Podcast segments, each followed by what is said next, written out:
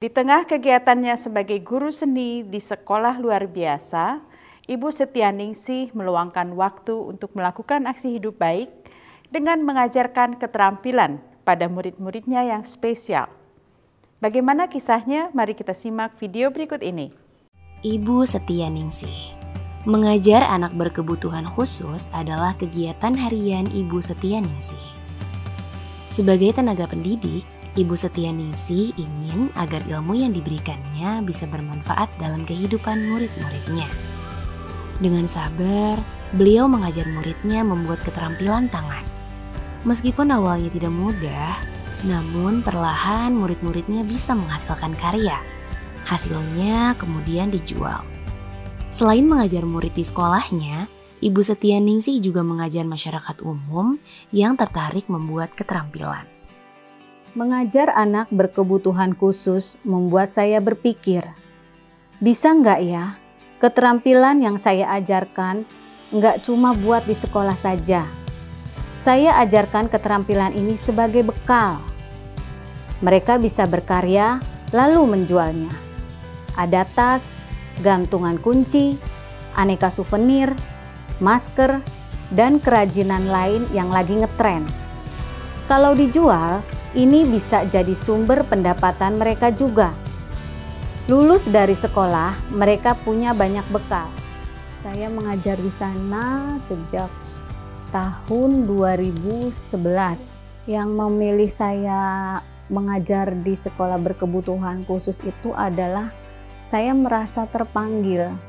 Kenapa begitu? Karena uh, siapa lagi yang akan memikirkan yang akan uh, mendidik mereka selain saya dan teman-teman saya. Jadi saya merasa terpanggil. Mereka membutuhkan eh, tangan-tangan uh, khusus yang uh, mengajar dengan kasih sayang. Jadi itulah uh, saya merasa di samping saya merasa kasihan, saya juga merasa mereka harus punya skill, harus punya keterampilan untuk bekal mereka hidup di masyarakat. Sosok Ibu Setianingsih ini sangat inspiratif, pekerja keras. Uh, beliau pun uh, sangat sabar untuk mengajari keterampilan-keterampilan uh, baik untuk PKK ataupun Karang Taruna untuk di wilayah Kecamatan Johar Baru. Ibu Setianingsih tidak ingin menjadi satu-satunya orang yang bisa memberikan keterampilan kepada anak-anak berkebutuhan khusus. Untuk menciptakan dampak yang lebih besar, beliau membuat sebuah buku berisi bahan ajar. Para orang tua, guru, atau masyarakat umum bisa memakainya sebagai panduan dalam memberikan pelatihan kerajinan kepada anak berkebutuhan khusus.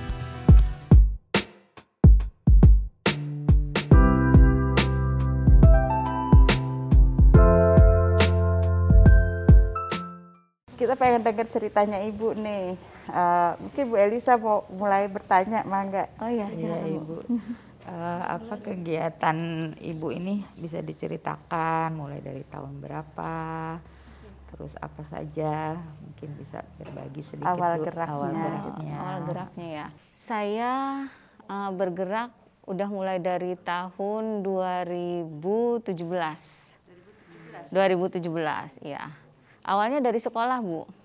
Karena saya itu selain guru SLB, saya juga guru keterampilan souvenir di di SLB. Di SLB. Hmm. Jadi di SLB itu yang ditekankan istilahnya yang banyak dikembangkan itu vokasi. Vokasi. Vokasinya untuk SMP itu uh, uh, 60 persen, berarti akademiknya 40 persen Nah, untuk SMA 70% vokasinya berarti akademiknya hanya 30%. Nah, jadi memang lebih banyak keterampilan ya Bu yang kita yang kita kembangkan. Keterampilan di sekolah saya ada empat ya. Pertama souvenir, itu saya yang mengajar. Kemudian tata boga, kemudian IT, kemudian sablon. Jadi uh, kita asesmen dulu kemampuan siswa itu ada di mana. Nah baru kita tempatkan. Ya sesuai kemampuannya uh, nanti kita tempatkan. Nah, berawal dari situ uh, saya juga mengajar kelas 12, Bu. Kelas 12 itu uh, uh, kelas 3 SMA LB. Ya, berarti lulus. Ya. Nah, saya mengajar kelas 12 dari tahun 2016. Sekitar empat tahun saya mengajar di kelas 12. Di situ ketika pengambilan rapot ya Bu, ketika kelulusan itu kan uh, biasanya siswa dengan orang tuanya ke sekolah mengambil rapot. Itu mereka maaf nih Bu kalau saya kalau inget saya sedih. Artinya gini Bu, Buning anak saya setelah lulus mau ke mana Bu? Kebetulan saya mengajar tunagrahita dan autis. Ya. Anak saya mau ngapain Bu setelah tidak sekolah di sini? Kegiatannya apa? Dari situ, saya berangkat dari situ. Saya kasihan gitu. Karena untuk anak tunagrahita dan autis itu lapangan pekerjaan sulit sekali Bu. Kalau untuk anak tunarungu, tunanetra, itu alhamdulillah ya, tunanetra bisa jadi operator. Kemudian uh, tunarungu karena dia IQ-nya normal ya Bu, hanya tidak bisa bicara dan mendengar, dia bisa bekerja di kantor. Tapi untuk tunagrahita Bu, dan anak autis, seperti tidak ada lapangan pekerjaan buat mereka. Bahkan kalau mereka di kelas saya mereka merasa senang gitu. Jadi gini mereka merasa punya kebanggaan ketika bersama saya bersama guru mereka sendiri merasa tidak bangga pada dirinya sendiri karena keterbatasannya ya itu orang tua murid pasti nangis bu anak saya mau ke mana lagi bu anak saya mau ngapain lagi bu ya. karena selama ini mungkin mereka punya iya. Aktivitas iya. yang jelas iya. ada iya. ini berangkat ke lulus, sekolah. kita belajar. nggak tahu harus setelah lulus gitu, gitu. Nah. di sekolah kita mengajarkan vokasi. Tapi ketika diterapkan di rumah ketika anak lupa akan satu hal udah tidak bisa. Seperti misalnya bikin kerajinan. Kemudian lupa ini nanti ngelemnya bagian mana? Atau menjahitnya seperti apa akhirnya tidak bisa udah tidak jadi gitu. tidak jadi hasil seperti ini gitu ya bu. Atau tata boga. Ketika lupa satu resep aja udah tidak jadi masakan yang sesuai dengan apa yang kita harapkan. Jadi seharusnya ketika belajar dengan gurunya orang tua pun ikut. Hmm. Jadi orang tua tahu cara membuatnya. Seharusnya seperti itu. Tapi di sekolah kan tidak seperti tidak boleh begitu, Bu. Hmm. Yang belajar itu anak peserta didik, bukan orang tua gitu. Oleh karena itu ketika lulus orang tua bingung. Uh, bingung. Hmm. Bu, kalau saya boleh meminta biarkan anak saya dulu yang diambil oleh Allah daripada saya katanya gitu. Ya Allah jangan ngomong seperti itu. Bapak dan ibu adalah orang tua pilihan yang Allah tunjuk karena Allah tahu karena Allah tahu bapak dan ibu itu mampu untuk merawatnya, untuk mendidiknya. Saya bilang gitu. Cuman itu bu yang bisa saya lakukan.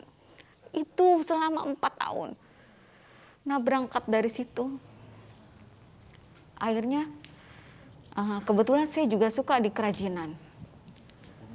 Saya bikin kerajinan, saya ajarkan kepada anak-anak. Bahkan ada anak juga yang ke rumah saya belajar. Nanti uh, apa kalau sudah bisa hasil karyanya itu saya jual secara online. Di sekolahan juga seperti itu, ya. Jadi saya berpikir gini Bu, ya Allah, siapa lagi yang akan memikirkan mereka kalau bukan kita, kalau bukan saya. Lalu solusi dari ibu apa waktu itu?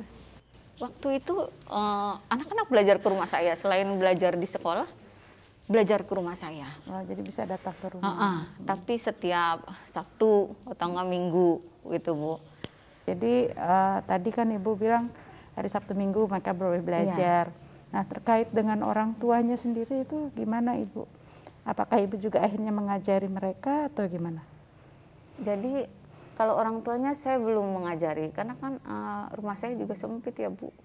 Rumah saya kecil gitu. Jadi baru peserta didiknya aja. Nah ketika eh, mereka tidak bisa atau mengala- mengalami kendala, nanti mereka datang lagi ke rumah saya gitu. Jadi mereka sering ke rumah saya walaupun tidak hari Sabtu atau Minggu gitu. Bu ini caranya lupa bu. Ya udah sini, ibu ada di rumah gitu. Nanti mereka datang. Alhamdulillah sih orang tua kondusif gitu bu, mengantarkan, menjemput gitu anak-anak ke rumah saya. Karena memang belum nggak bisa berangkat sendiri, pulang Iya, sendiri ya. mm-mm, Iya. Karena untuk anak-anak seperti ini kan eh, banyak sekali keterbatasannya bu. Mm-mm.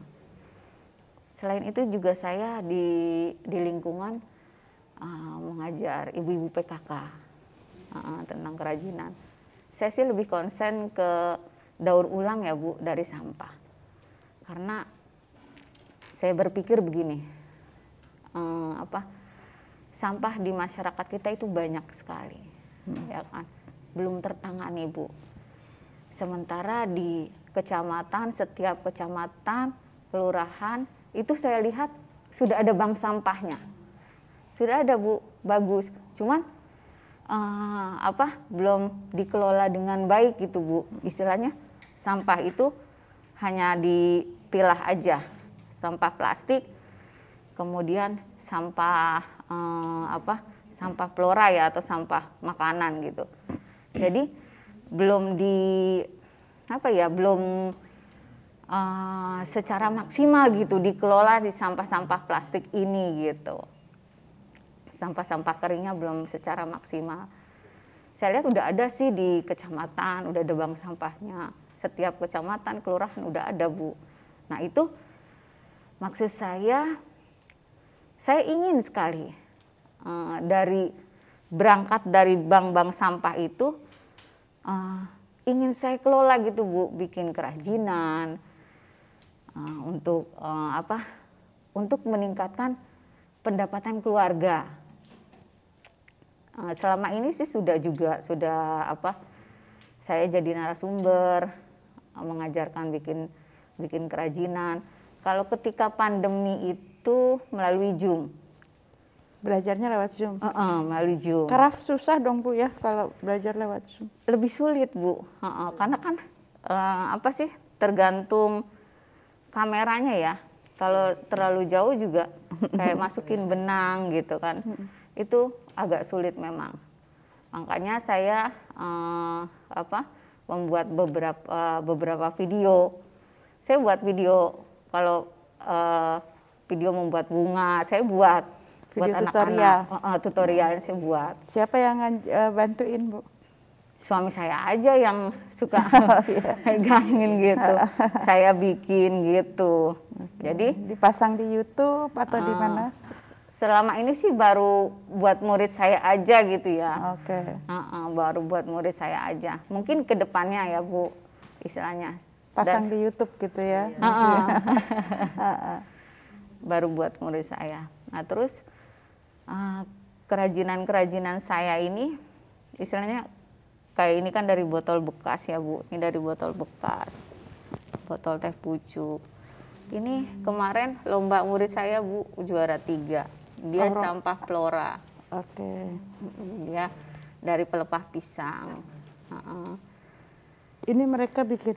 Iya, Hmm, Siapa nih namanya? namanya Rian. Rian, Andrianto, SMP. Sofa seperti ini juga. Kalau itu saya sendiri yang Oh buat. ini ibu Heeh. yang bikin. Karena saya lihat alang-alang itu eh, apa sih kembang kalapanya dari alang-alang. Nah, ibu ajarkan ini ke ibu-ibu lain atau? Kalau ini belum, saya mengajarkannya uh, baru yang bunga-bunga. Ibu-ibu senengnya ini bu bunga gitu nanti ditaruh di meja tamunya gitu. Terus konektor saya ajarin Konektor, juga apa? uh, uh, Masker. bikin konektor masker.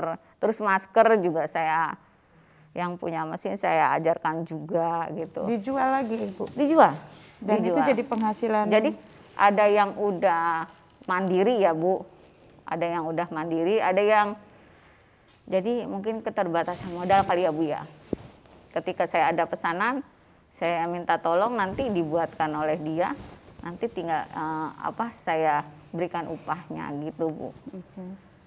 Sama untuk anak apa peserta didik saya yang alumni disabilitas juga seperti itu. Jadi ibu kasih proyek ya, project gitu, proyek Iya. bikin gitu ya. Heeh. Kalau ada pesanan. Mm-mm. Tapi saya ajarkan dulu gitu ya.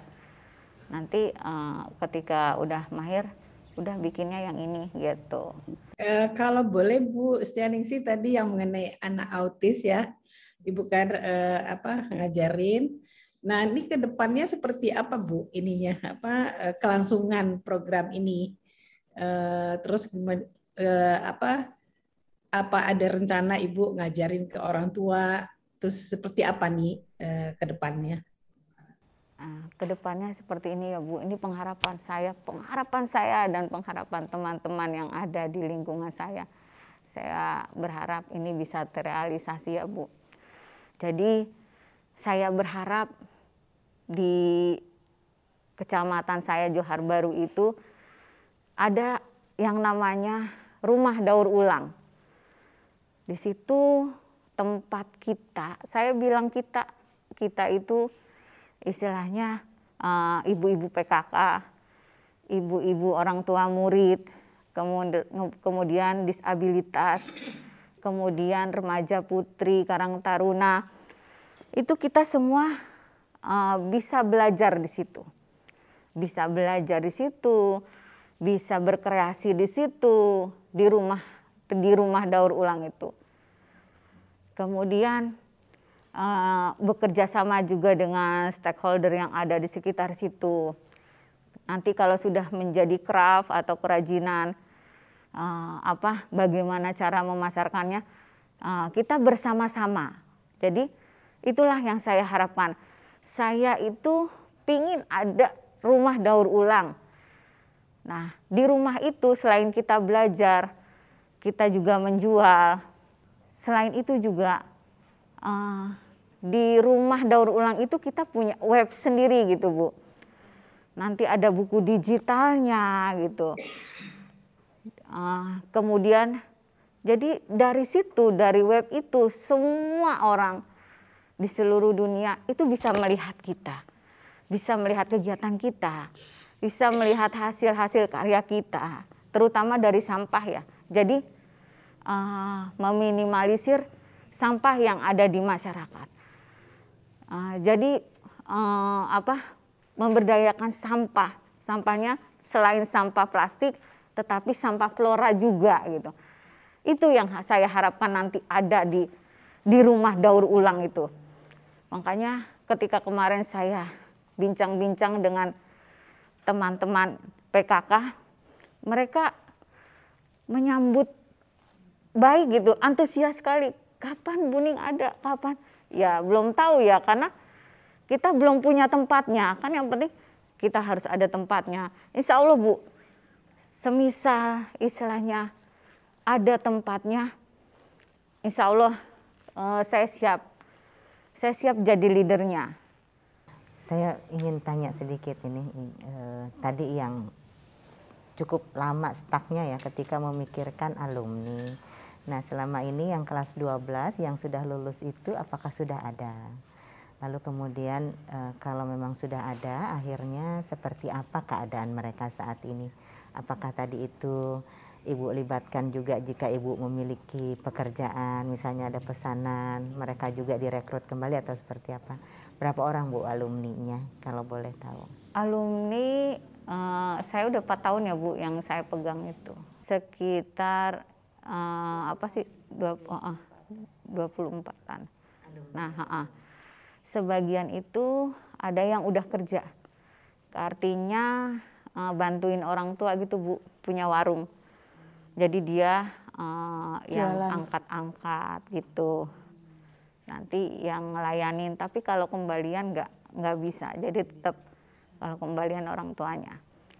Atau ada juga yang punya toko apa toko eh, kayak semacam listrik gitu bu. Jadi kalau ada yang mesen diantar ke pemesan atau dia yang belanja tinggal ngambil gitu ada yang seperti itu nah yang tidak bekerja itu sebagian sudah saya usahakan eh, lewat disnaker disnaker itu untuk kalau tahun kemarin yang diterima di Indomaret dan Alfa baru tunarungu.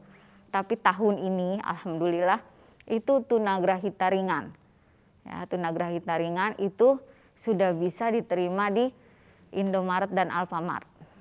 Nah, kemudian kalau yang saya lakukan sendiri itu eh, ada tiga orang anak yang intens ke rumah saya. Jadi kalau ada pesanan saya panggil. Nah nanti Itu apa? Maaf ininya jenis disabilitasnya apa Bu yang ada yang tunarungu, ada yang tunagrahita. Oh. Uh-uh. Jadi eh, nanti ambil barang ke saya, kemudian dia bawa pulang dikerjakan di rumah. Kalau sudah selesai diantar lagi ke saya, kemudian saya kasih upahnya gitu. Hal-hal yang berkesan Ibu selama ini dengan kegiatan Ibu Dengan kegiatan saya yang paling berkesan. eh, mungkin apa sih karena saya sudah lama sekali ya Bu di apa di pendidikan disabilitas. Jadi mereka itu bagi saya seperti anak kandung sendiri gitu. Yang paling berkesan mereka peka. Ketika saya datang ke sekolah saya kelihatan kurang sehat atau murung, mereka yang lebih peka daripada istilahnya eh, orang di rumah saya gitu artinya gini ibu sakit ya ibu sakit ya karena kan kalau autis bicaranya seperti itu tidak seperti ketika ibu sakit ya bu? Sakit apa bu? Kalau kita seperti itu ya bu ya. Kalau mereka tidak buning sakit ya? Buning sakit ya? Gitu. Jadi sebenarnya mereka itu Peka, tahu peka, ya. mereka peka. Cuman untuk mengungkapkan seperti kita sulit gitu. Bahasa mereka juga baku. Bahasa mereka sedikit gitu karena perbendaharaan katanya juga sedikit. Mereka peka. Mereka perhatian. Artinya di situ ada kasih sayang. Jadi eh, yang paling berkesan buat saya itu ketika saya berada bersama mereka. Saya punya anak kandung istilahnya. Tapi tetap beda. Kalau anak-anak saya sudah mandiri. Tapi kalau mereka mereka butuh bimbingan artinya ketika mereka belajar apa pun itu harus pendampingan tidak bisa dilepas sendiri gitu. Mereka bisa mengerjakan sesuatu. Semisal bisa bikin ondel-ondel ini. Ini pun dengan berkali-kali gagal, berkali-kali salah, salah ngelemnya, matanya tidak simetris, gitu. Jadi eh, kalau anak difabel bikin ini eh, se- bisa berapa kali bikin bu sampai bisa berhasil? jadi berhasil. Sampai berhasil, Eh, tergantung kemampuan mereka bu. Ada yang lima kali, enam kali belum bisa ada, gitu. Ada yang bisanya cuman bikin tangannya aja ada bu. Jadi ya udah dia bikin tangan aja. Karena kalau kalau menempel yang lain tidak rata, tidak simetris. Jadi udah kamu bikin tangan, bikin tangan aja. Atau dia ngeguntingin ini kembang kelapanya, ha-ha. udah itu aja. Jadi kalau saya apa yang bisa kamu lakukan itu yang yang saya kembangkan gitu. Aktivitas di rumah, ibu selain ngajar, ada keluarga, ada anak, ada Ada anak saya tiga pesantren, ya tiga orang tiga pesantren. dia tiga putranya di pesantren. Ha-ha. Putra putri atau putra saja? Uh, putra dua, putri satu. Oke. Uh, yang satu kerja, terus satu lagi kelas 5 SD. Oke. Uh, rencananya nanti pesantren juga. Pesantren juga. Mm -mm. Terus uh, setiap hari kan pasti didatangin murid tuh. Ibu, nggak apa-apa rumahnya setiap hari didatangin? Nggak apa-apa rumah saya. rumah saya nggak didatengin murid aja bu. Suka istilahnya ibu-ibu juga sering datang, ibu-ibu PKK, kadang istilahnya dari kelurahan, dari kecamatan gitu. Tapi mereka udah tahu sih jadwal saya kalau waktu belum pandemi ya, saya kan ada di rumah sekitar jam 4.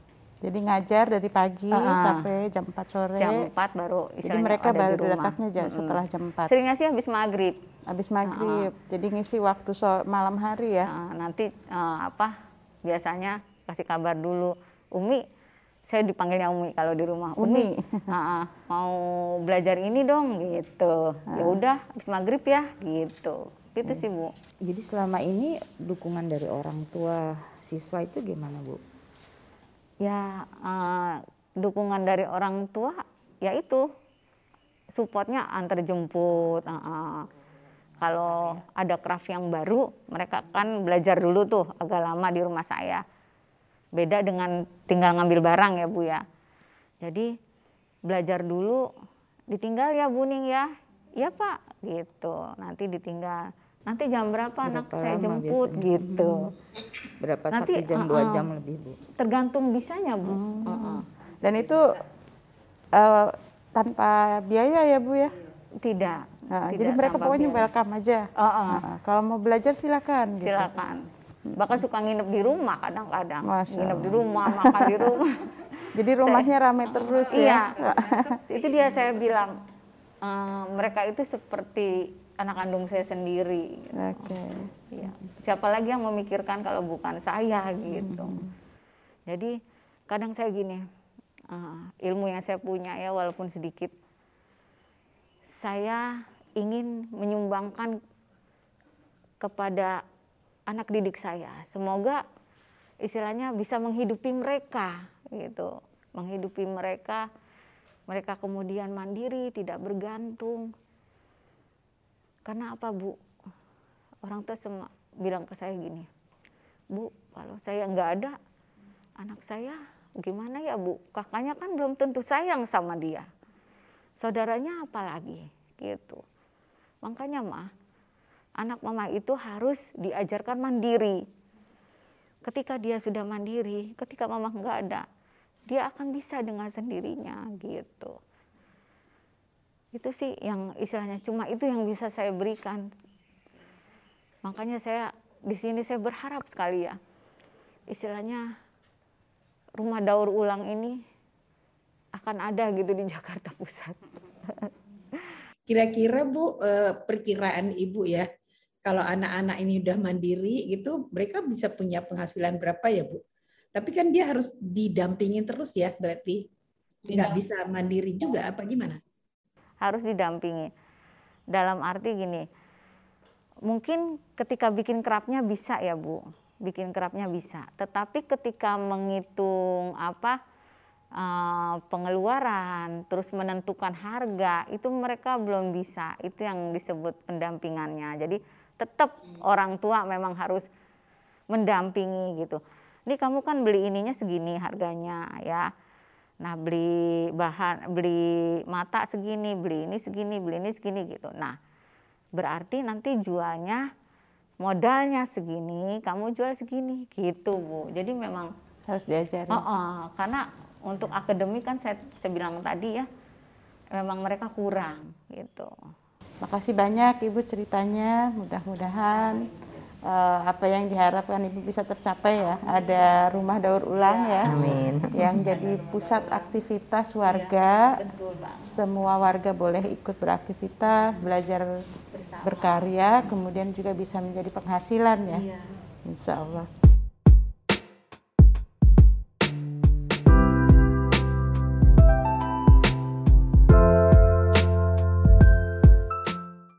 Teman Aksi Hidup Baik, dari kisah Ibu Setianingsih kita belajar tentang nilai kesabaran dan kasih sayang. Semoga cerita tadi bisa menjadi pembelajaran dan inspirasi bagi kita semua untuk terus melakukan aksi hidup baik bagi sekitar. Demikian cerita kita hari ini. Nantikan episode gelar bicara Ibu-Ibu Kota berikutnya. Sampai jumpa.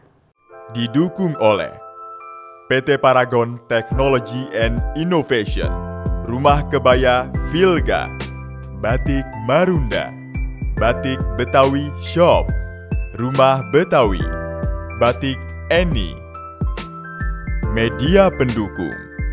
90,4 Cosmopolitan FM, Taai TV, Dream.co.id, Femina, Indonesian Times, 89,6 FM I Radio, Jak TV, Her World, Media Indonesia, Scarf Media, Tribunnews.com, 106,6 FM V Radio, Why People Radio, Women's Obsession, Celebrities.id, Okezon.com, Komunitas Pendukung Food Bank of Indonesia, Komunitas Pemuda Generasi Indonesia, teruntuk Project.